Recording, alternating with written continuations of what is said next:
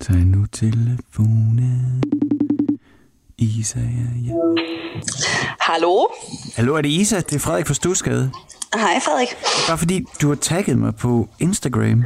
Det er fordi, at The Weeknd han skal simpelthen lave halftime show til den kæmpe store øh, amerikanske fodboldfinale.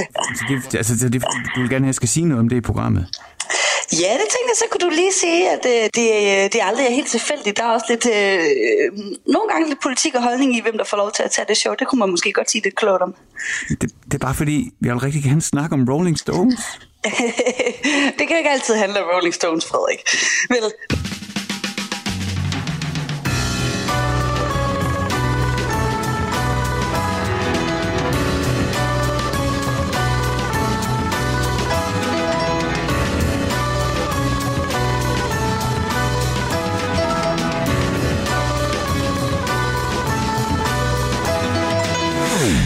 lytter til Stusgade på Radio 4 med mig, Frederik Hansen. Og det her, det er Frank Zappa og Peaches on Regalia.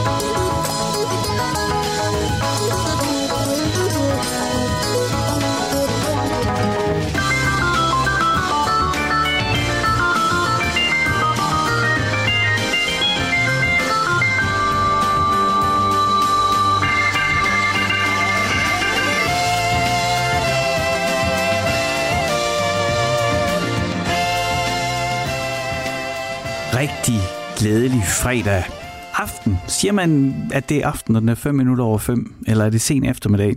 Jeg er ikke helt styr på, hvornår det er øh, det, ene og det andet. Øh, dengang jeg var journalistpraktikant og arbejdede på, på nyhederne.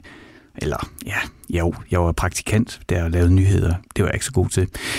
Anyway, det jeg vil sige, det var, at jeg mødte ind sådan måske 5 minutter over 9, og så den første kollega, jeg var sådan helt ny og, og, og angst for alting. Og så sagde jeg, øh, godmorgen, der er 5 minutter over 9, for jeg var lige mødt ind til den her ældre kollega, som så sagde, klokken over 9, det er ikke længere om morgen. Og så lærte jeg det, at det er det åbenbart ikke. I hvert fald ikke, hvis man ligesom ham var mødt ind 034 for at lave nyheder. Så er jeg allerede lagt om dagen. Anyway, jeg har det sådan, at det bliver mørkt udenfor, så er det aften. Så det kan godt være, at det er glædelig sen eftermiddag, men jeg siger altså glædelig aften. For det er mørkt udenfor, og det er også mørkt hernede i min kælder i Stusgade. Og det er jo det, du lytter til lige nu, programmet Stusgade, hvor jeg får lov til at sætte din weekend i gang med lidt øh, musik, og især en masse snak om musikken, med fokus på, hvad er det for noget musik, der har formet os. Vi har jo alle sammen nogle præferencer. De fleste har sådan en yndlingsgenre, eller et yndlingsband, eller en yndlingssang. Og det er et eller andet, der har ramt os på et tidspunkt, som har gjort, at der er noget musik, vi særlig godt kan lide. Det betyder jo ikke, at man ikke kun kan lide det.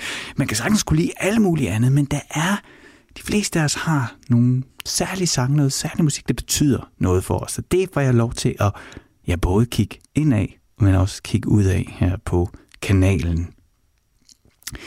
I sidste uge, der fortalte jeg om, hvordan det der med at have en yndlingsbeatle, og hvordan det for mig sådan var skiftet fra, at det begyndte med at være John Lennon, og så blev det George Harrison, og så er det nok måske end med at være Paul McCartney, selvom jeg nok i virkeligheden er George Harrison. Men øh, hvis du er interesseret i det, så kan du jo øh, finde programmet fra sidste uge som podcast eller ind på Radio 4's hjemmeside, så kan du høre mig vade rundt i, hvem min yndlingsbeatle er. Jeg har det sådan, at når man siger Beatles, så næsten det første, jeg tænker på, det er Stones. Man kan næsten ikke sige Beatles, uden at jeg... Nej, så må det også være, hvor er Stones så inde i det? Så i aften, eller sent eftermiddag, der vil jeg simpelthen fortælle om måske det dårligste og værste Rolling Stones album nogensinde, som jeg elsker, måske allermest af alle Stones mange, mange udgivelser.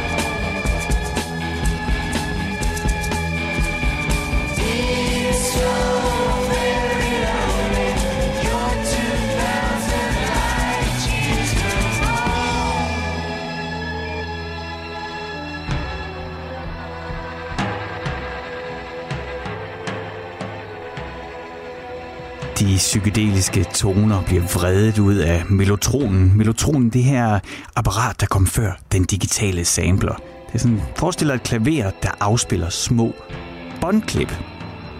Så kan man optage lyd på dem, og så bagefter afvikle dem. Det er det, vi kan høre i baggrunden her på 2000 Light Years From Home med The Rolling Stones. Fra det album, som i hvert fald da det udkom, var der ret bred enighed blandt alle kritikere sikkert også mange fans, om at det var det ubetinget dårligste Rolling Stones album nogensinde. Their Satanic Majesty's Request. Det udkom i december 1967, og det var jo... Ja, 67, det var jo det her år...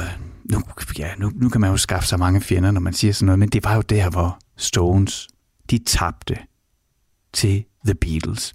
Der var den her konstante rivalisering om, var man til Beatles, eller var man til Stones? Var man lidt mere hård og flabet Stones, eller var man lidt mere poppet og melodisk til Beatles? Og så i sommeren 67, den magiske sommer 67. Altså, der hvor, hvis jeg nogensinde får fingrene i en tidsmaskine, der hvor jeg øjeblikkeligt tager til sommeren 67, der udkom så Beatles mesterværk, Sgt. Pepper, Lonely Hearts Club Band.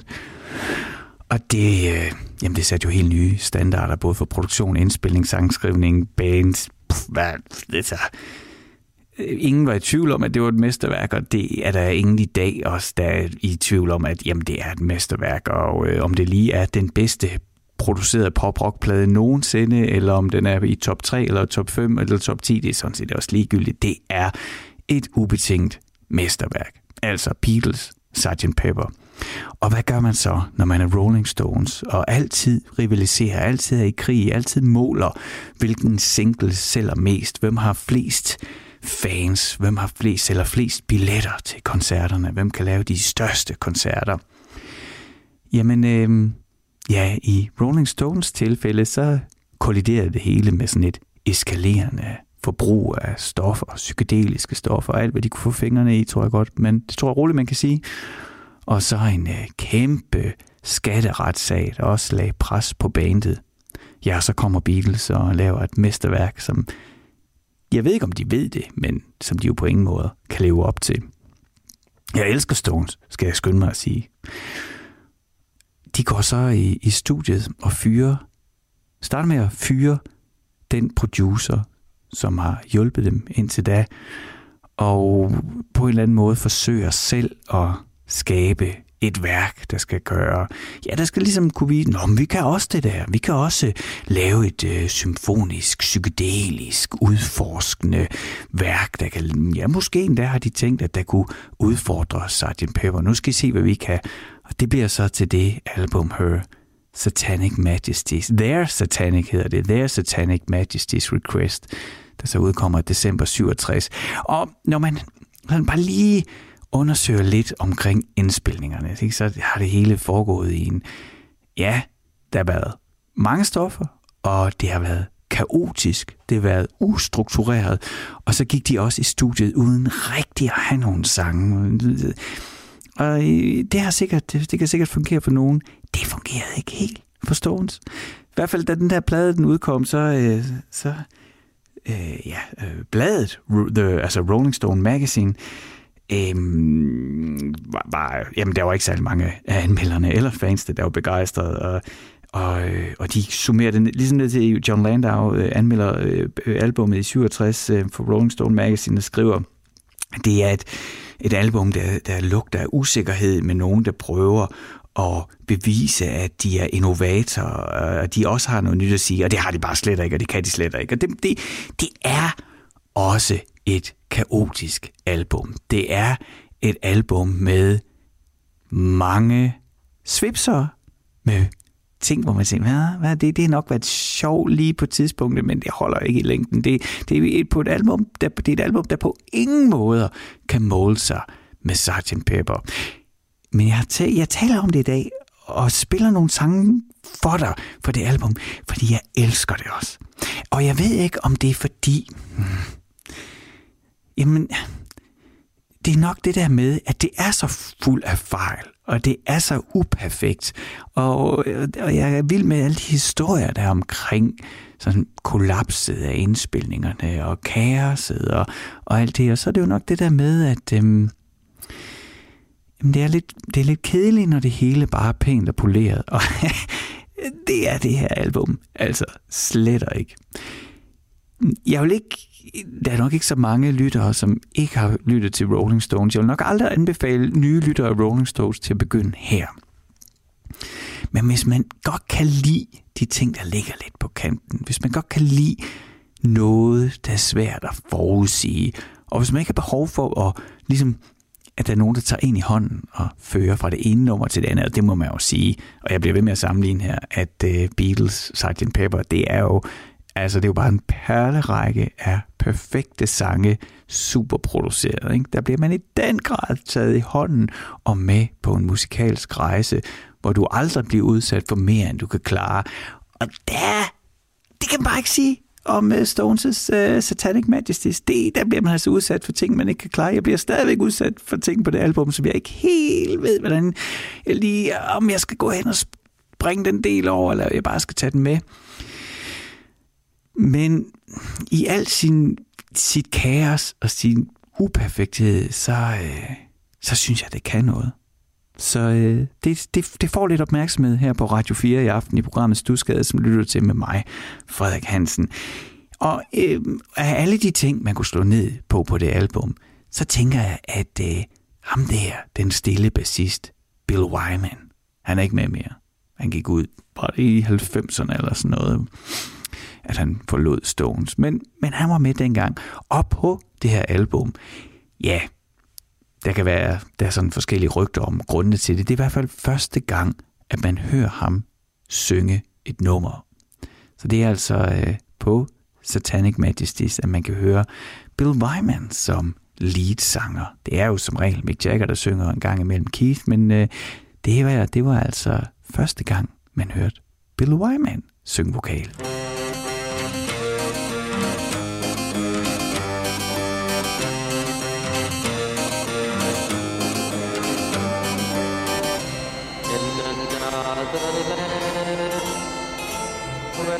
Breeze and the trees and the flowers were blue. I stood and held your hand, and the grass grew high, and the feathers floated by. I stood and held your hand, and nobody else's hand will ever do. Nobody else will do.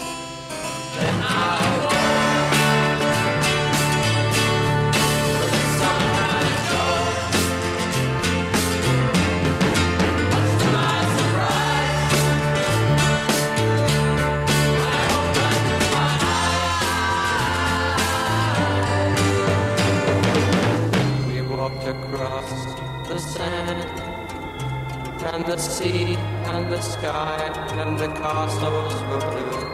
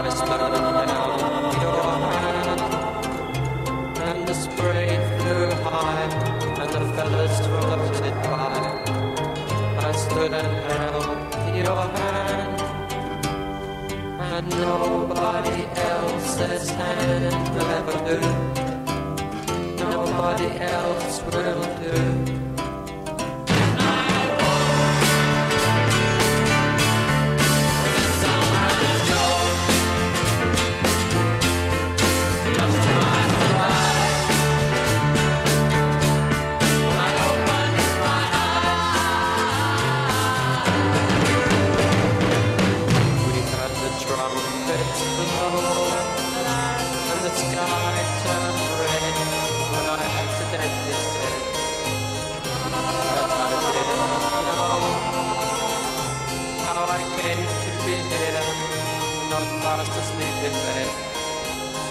I stood and held your hand. And nobody else's hand will ever do.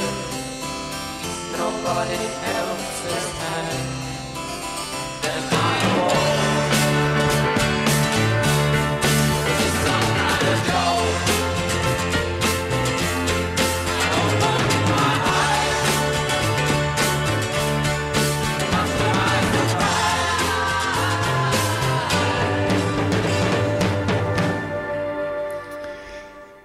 In Another Land med Rolling Stones og ja, Bill Wymans første lead-vokal på en udgivelse med Stones. Og ja, så slutter sangen med, at der er en, der snorker. Det er altså hverken mig eller hunden her i uh, Stusgade kælderstudiet, der, der er faldet i søvn. Det er, det er en del af nummeret. Og når man, øh, det vi taler om i aften, ja, du lytter jo til Stusgade her på Radio 4 med mig, Frederik Hansen. Og det jeg taler om i aften, det er det, som mange mener er det dårligste Stones album nogensinde. Jeg kan sige, de så lavet så mange udgivelser siden, at, at det ikke sådan, det står sådan ikke helt klart. Der er det nogen, du ved, så på et tidspunkt blev Stones lidt discoagtige.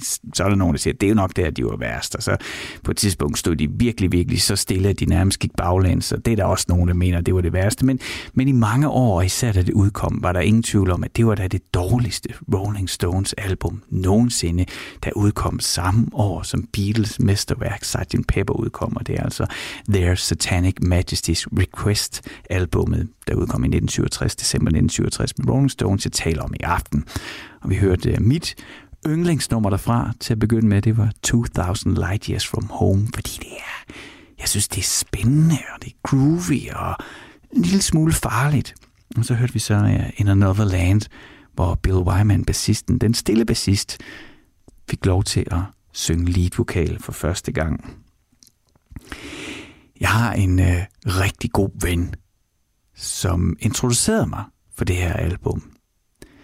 Men han havde det faktisk lidt stramt med at spille det her for mig, fordi at øh, han, jeg ved ikke om, jo det var nok første gang, han skulle prøve psykedeliske stoffer jeg mener, det var sådan nogle psilocybin-svampe, og jeg skal skynde mig at understrege, at jeg på ingen måde er opfordrer til, at man skal gøre det her.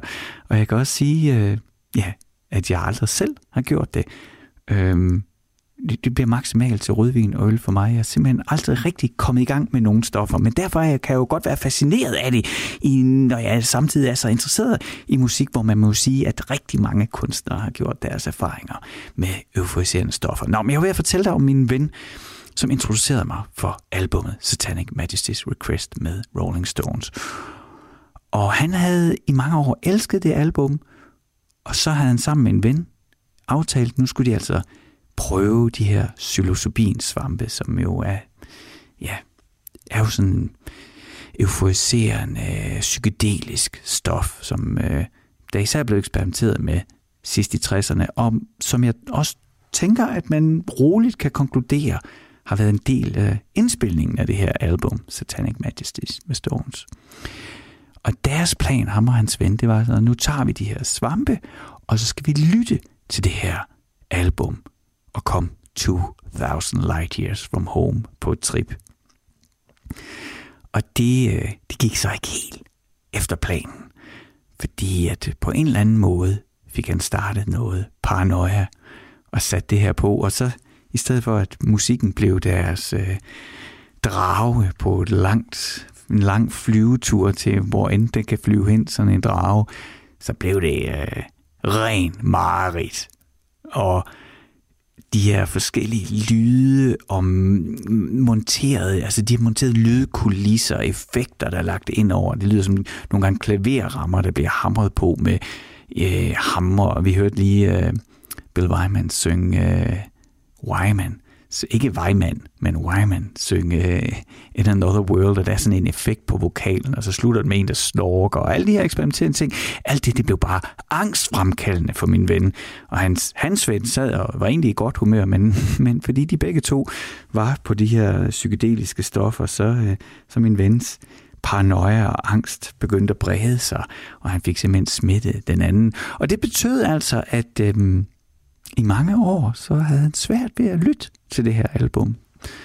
Og, øh, og blev sendt tilbage på de, de der ja, psykedeliske mareridstilstande, ikke? Den her følelse af samhørighed og kærlighed, som jeg tror, de fleste gerne vil prøve at opnå, når man tager for eksempel LSD og sådan noget. Nej, i stedet for så blev det altså sådan en uhyggelig mareridsverden. Selvfølgelig fremkaldt i hans eget sind og hans eget hoved, men altså forstærket af Rolling Stones og albumet Satanic Majesty's Request, hvor man må sige, at de syrer ud, og hvor de eksperimenterer, eksperiment, eksperimenterer og hvor jeg også tror, jeg roligt kan sige, at ikke alle af eksperimenterne lykkes helt godt. Og alligevel, mm, så er det nok en af mine, det er i hvert fald en af mine, jeg skulle lige så sige, at jeg, det er nok ikke min yndlingsstones-plade, men den er i top 3. Måske er den der i top 2. Og på nogle dage, så er det nok min yndlings. Især fordi den har det her nummer.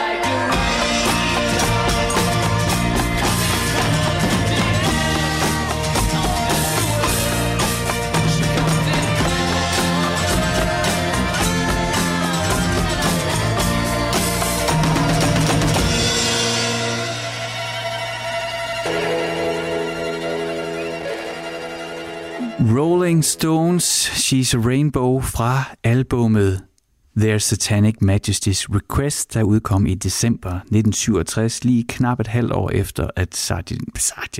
lige knap et halvt år efter, at The Beatles udgav deres ubetingede kæmpestore hit og mesterværk, Sgt. Pepper's Lonely Hearts Club Band, så forsøgte Stones at gøre dem kunsten efter og fejlede eklatant.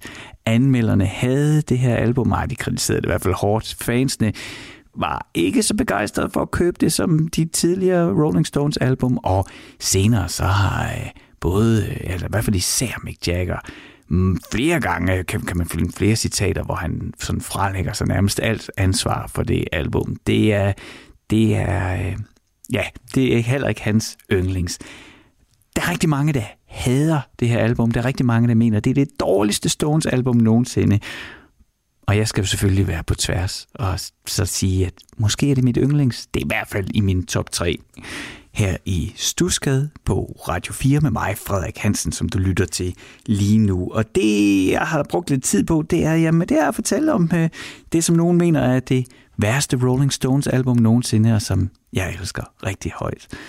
Og vi har, øh, jeg har lyttet til øh, tre sange fra albumet, så jeg tænker, øh, at nu har vi ligesom... Øh, nu har du fået nogle smagsprøver, så kan det være, at du øh, har lyst til at, at, at selv få fat i albummet og lytte til det. Det kan jeg kun anbefale det er... Øh, det kan godt være en udfordring at komme igennem, men, øh, men der ligger også en, en rejse, og der er i hvert fald, hvis man er til det kaotiske og det upolerede, ja, altså, i den grad det uperfekte, så, øh, så ligger der en, en god musikalsk oplevelse og venter på dig. Noget, der ligger og venter på mig, det er det, jeg står med i hånden. Det er papir. Det er faktisk en konvolut. Det er nemlig sådan, at jeg har en producer her på programmet. Hun hedder Isa, og hun er væsentligt yngre end jeg. Og vi har også øh, ikke den samme musiksmag.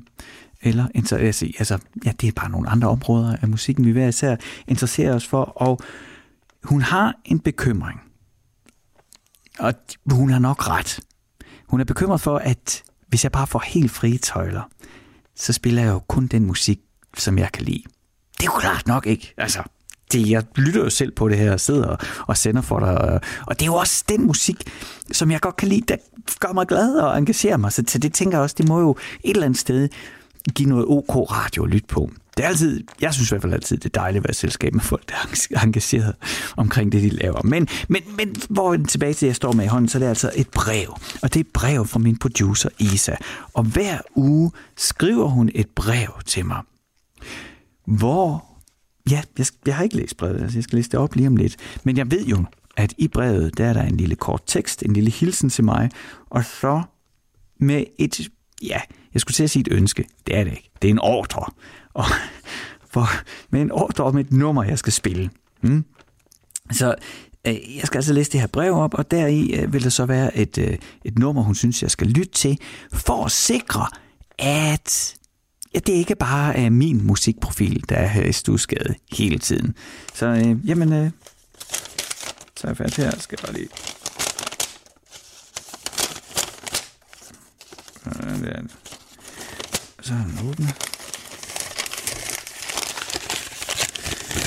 Og så har jeg altså brev fra produceren. Det kan være hvad som helst. Jeg ved aldrig, hvad det er, og det, jeg har ikke læst det før. Det er simpelthen første gang, jeg læser det. Det betyder nok også, at jeg kommer til at ja, snuble lidt i det. det uh, vi tager det hele med. Ikke? Vi har aftalt om, om Rolling Stones nok mest uperfekte album, så jeg må nok også godt lave uh, et par snublefejl, når jeg læser op. Men det er altså brev fra min producer Isa med en ja, ordre om at, med et nummer, jeg skal spille og forholde mig til. For at sikre, at øh, det ikke kun bliver min musiksmag, der ja, dominerer hele programmet Stusgade her. Hej Frederik. Både dig og de faste lyttere af Stusgade har måske stille og roligt fornemmet, at jeg har et helt særligt ømt punkt for R&B music. Musik, R&B musik. Det er svært det der med at sige R&B og så dansk. Jeg tager den lige igen. Jeg har et helt særligt øm punkt for R&B musik. Siden jeg var en bitte teenager, har jeg altid elsket at undersøge, hvor musikken stammer fra. Hvordan kunstnere bliver inspireret af hinanden, låner fraseringer og beats og rytmer, og bare bliver klogere og klogere på musik. Og en af de grupper, som jeg ikke selv har hørt synderligt meget, men som har inspireret stort set alle de kunstnere, jeg er gladest for, er The Supremes. Og i dag, den 15. januar, er det 60 år siden, at de underskrev deres kontrakt med det legendariske pladeselskab Motown. Derfor synes jeg, vi skal hylde dem lidt. Gruppen er stadig efter 60 år den mest succesfulde gruppe i USA med 12 nummer 1 singler på Billboard Hot 100-listen. De har inspireret kvindegrupper verden over, været med til at give farvede og farvede kvinder en velfortjent plads på musiktoppen, og så Diana Ross. Need I say more? Derfor skal du nu spille You Can't Hurry Love.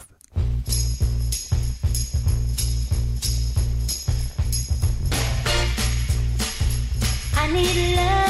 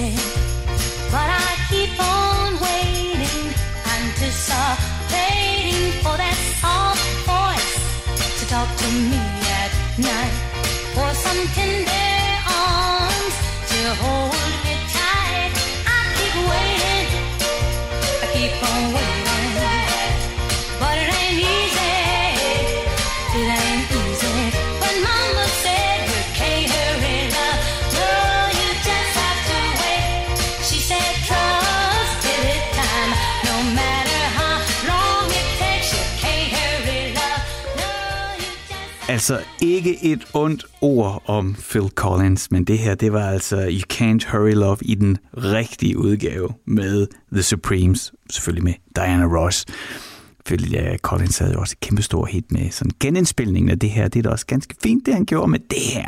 Det var den rigtige indspilning fra 1966, som også har de rigtige navne under tekst og musik, nemlig Holland Dozier, Holland sangskriver parret bag hits til ja, The Supremes, Temptations, Four Tops, bare fortsæt hele Motown-listen. Man, var de skrev mange fede sange. Og det her, det var fedt. Og det lyder vi til, fordi jeg har fået brev fra min producer, producer Isa, som sørger for, at øh, det ikke bare bliver mig, der bestemmer, hvad det er, vi skal lytte til. Så hun øh, kommer med et input, ja, en ordre, og en lille besked om, hey, spil i det her nummer, så sikrer vi i hvert fald, at der er noget andet end det der øh, tunge granitrock fra Norge, du elsker. Men altså, altså lige sige, altså Supremes, ikke? det kunne jeg også godt have spillet. Det, øh, jeg tror, at jeg tænker, jeg tænker, at vi snart skal have en stusgade om Motown. Kunne det ikke være fedt? Det, øh, det vil jeg lige skrive ned på min idénote, og så, øh, så laver jeg en udsendelse til dig omkring Motown. Fordi, jamen, hvor skal man starte, og hvor skal man slutte? Men det var i hvert fald Supremes, You Can't Hurry Love, vi lyttede til. Og det er så fedt. Og de var så gode. Og jeg, altså, når jeg lytter til det, ikke, så udover det bare fedt, det er bare fedt at lytte til. Og jeg danser i min... Øh, i mit kælderstudie, i min gamle, jeg skulle til at sige rullestol, det er det ikke, det er sådan en stol med hjul under, hvad, hvad hedder sådan en? Nå, anyway, jeg tror du ved, hvad jeg mener. Kontorstol, det er det, det hedder. Den sidder jeg i og, og rocker, mens vi lytter til det her. Men, men noget af det, jeg altid tænker på, når jeg lytter til de her ting, og til en vis grad også Beach Boys, som jeg også gjorde brug af sessionmusikere, altså folk, der var hyret til, ja, klokket ind i studiet, og så kunne der komme alle mulige artister ind, men de sad bare og passede deres arbejde. En af mine yndlingsgitarrister er for eksempel Steve Cropper. det er ham. Hvis du har set Blues Brothers-filmen, så er det ham, den langskækkede guitarist, der spiller på en Telecaster. Han, øh, han var også sådan en hired gun working man, der bare har spillet på så mange indspilninger. Det var altså musikere, der fik lov til at møde ind i studiet, og så bare spille og spille og spille.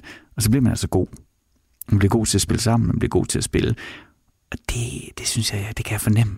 Når, når for eksempel det her til på Supremes nummer, You Can't Hurry Love, det der hold der bag, det er altså øh, det gode muresvend, ikke? der får lagt stenene og klodserne bare helt rigtigt. Du lytter til Stusgade her på Radio 4 med mig, Frederik Hansen.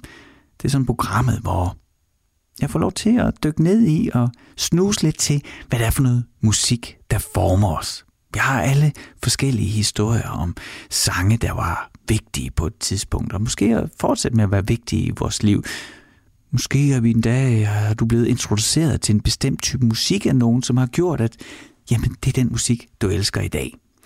Der er nogen, der har været så heldige at have en mor eller en far, der har haft en pladesamling, som de har, ja, eller en CD-samling, eller en anden slags musiksamling, som de har, ja, introduceret deres børn for. Der er også nogen, som har fortællinger om store søskende, der ja, en dag inviteret indenfor i det hellige teenageværelse, og så kunne man ligesom lytte med derinde, og så var der måske noget musik, der ramte en på en særlig måde, fordi det lige var i den kontekst. Der er også mange, har jeg hørt at fortælle om det der med at komme, jeg er ikke selv gået på efterskole, men det der med at komme på efterskole, og så lige pludselig blive introduceret for alle mulige forskellige mennesker fra alle mulige dele af landet, men især også ny musik, som, ja, der må man jo sige, altså blive ramt i de, de tidlige teenageår af den rigtige musik, det bliver ikke meget større. Det, det, det sidder derinde for evigt. Og det er lidt det, jeg arbejder med i programmet. Ikke? Det er det der musikken, der former os. Musikken, der gør noget ved os, som bliver ved med at følge os resten af livet. Og hvis du har sådan en fortælling, hvis du sidder og tænker, nah, der er nogen derude, jeg godt kunne tænke mig at sige tak til. Der er nogen derude, som engang spillede det her nummer for mig, eller tog mig med til den her koncert, eller den her festival, eller introducerede den her genre, og nu, jeg gad egentlig godt at sige tak til dem, fordi den musik har fulgt mig hele livet. Jamen, det vil jeg godt give dig muligheden for. Hvis du har sådan en fortælling, hvis der er nogen derude, du gerne vil sige tak til, så kan du øh, sende mig, øh, så kontakt mig. Så finder vi ud af, hvordan vi gør det. Om jeg skal ringe dig op, eller om jeg skal læse det op her i radioen. Du kan i hvert fald skrive til mig. Hvis der er nogen derude, du gerne vil sige tak til, fordi de introducerede dig til en bestemt type musik, som stadigvæk har betydning for dig i dag, jamen så skriv en e-mail til mig, og det gør du ved at sende den til stusgade radio4.dk. Så lander den lige her i inboxen. Det er altså stusgade radio4.dk. Du kan også sende en sms. Det gør du ved at skrive 1424, så kommer den øh, ind her i, i radioens sms-system. Du skal bare huske at begynde din besked med R4, altså bogstavet R og tallet 4, mellemrum, og så ellers skriv løs. Så øh, skal jeg nok fiske din sms ud og tage fat i dig. Og ellers så kan du gøre øh, det, du bare tager, fat, øh, tager direkte fat i mig. Hvis du nu er sådan en, der er på Instagram, så kan du lige søge på Frederik Radio i et ord, så burde jeg dukke op. Mig kan du følge, og så kan du skrive direkte til mig, så kan vi tage den derfra.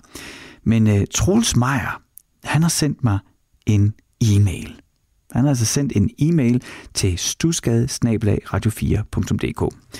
Øh, emnefeltet er vedrørende dit udmærkede radioprogram. Det er jo dejligt med sådan en, et emnefelt, ikke? fordi man ved aldrig, hvad man får mails. Der er også nogle gange nogen, der lige skal af med noget, de er sure over, eller noget, jeg har gjort forkert.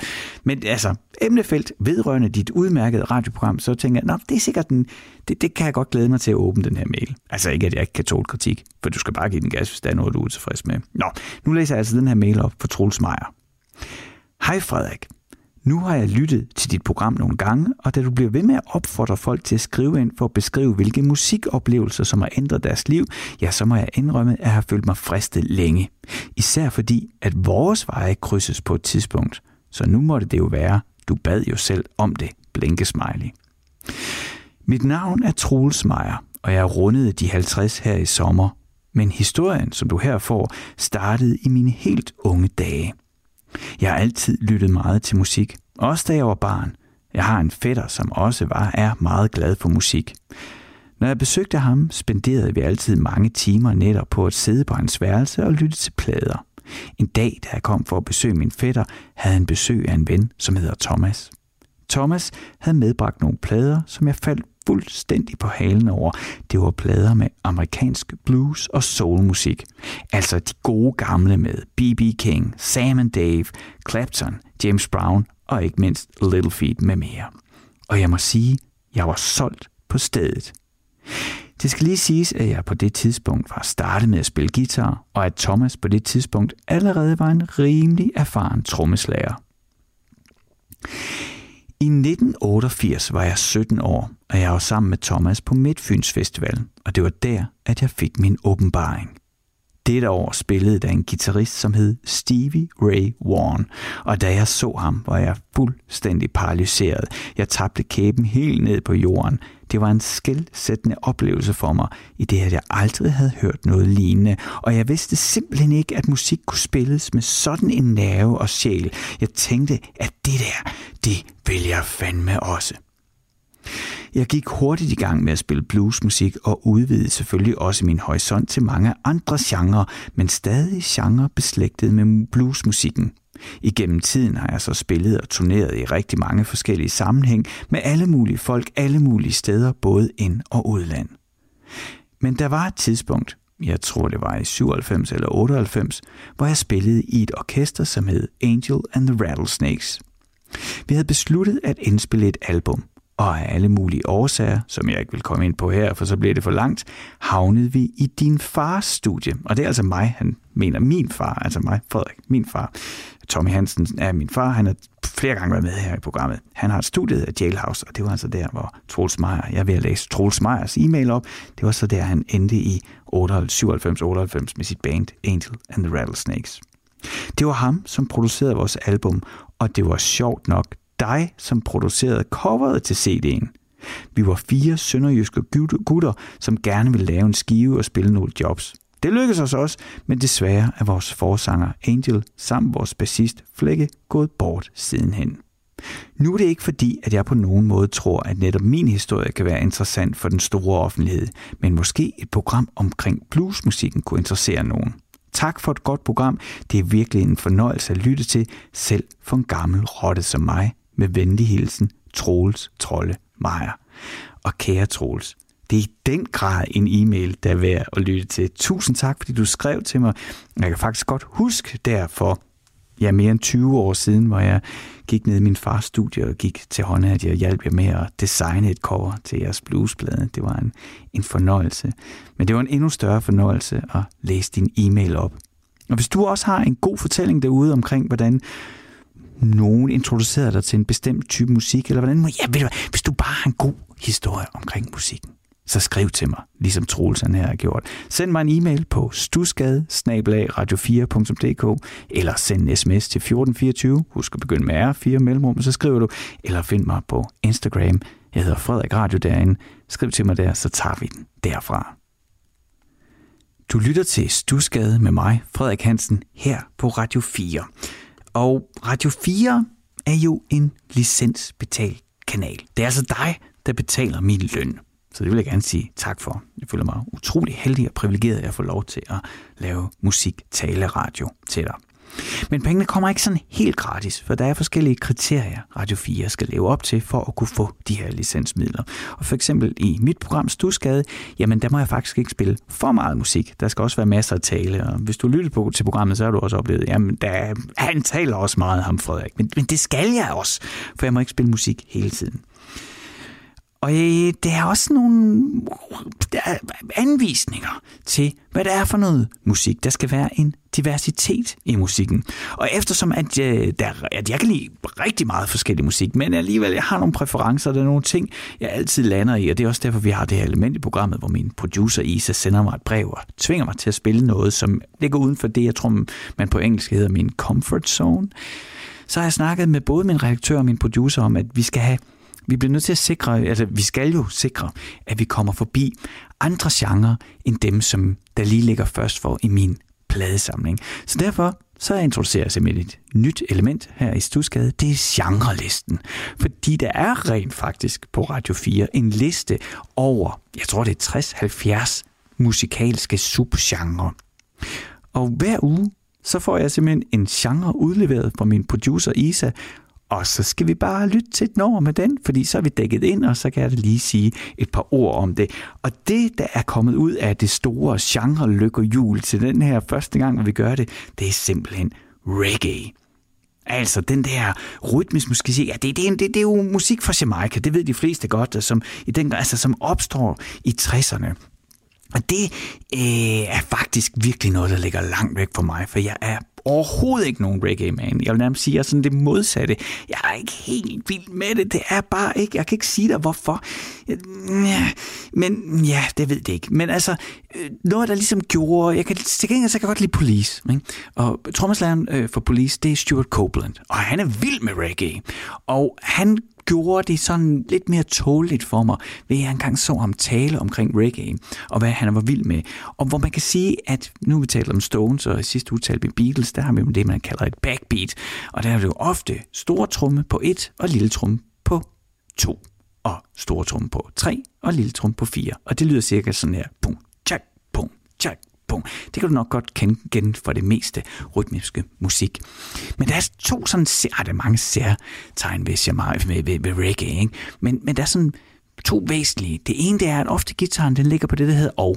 Så hvis jeg ligesom tæller 1, 2, 3, 4, så ligger gitaren til mm, ja, da, da, da, som om den sådan hopper. Men så er det absolut allervigtigste, hvor der i den rytmiske musik her, ofte, altså hos os, ofte er det største vægt på et slag. Gong, tak, gong, tak.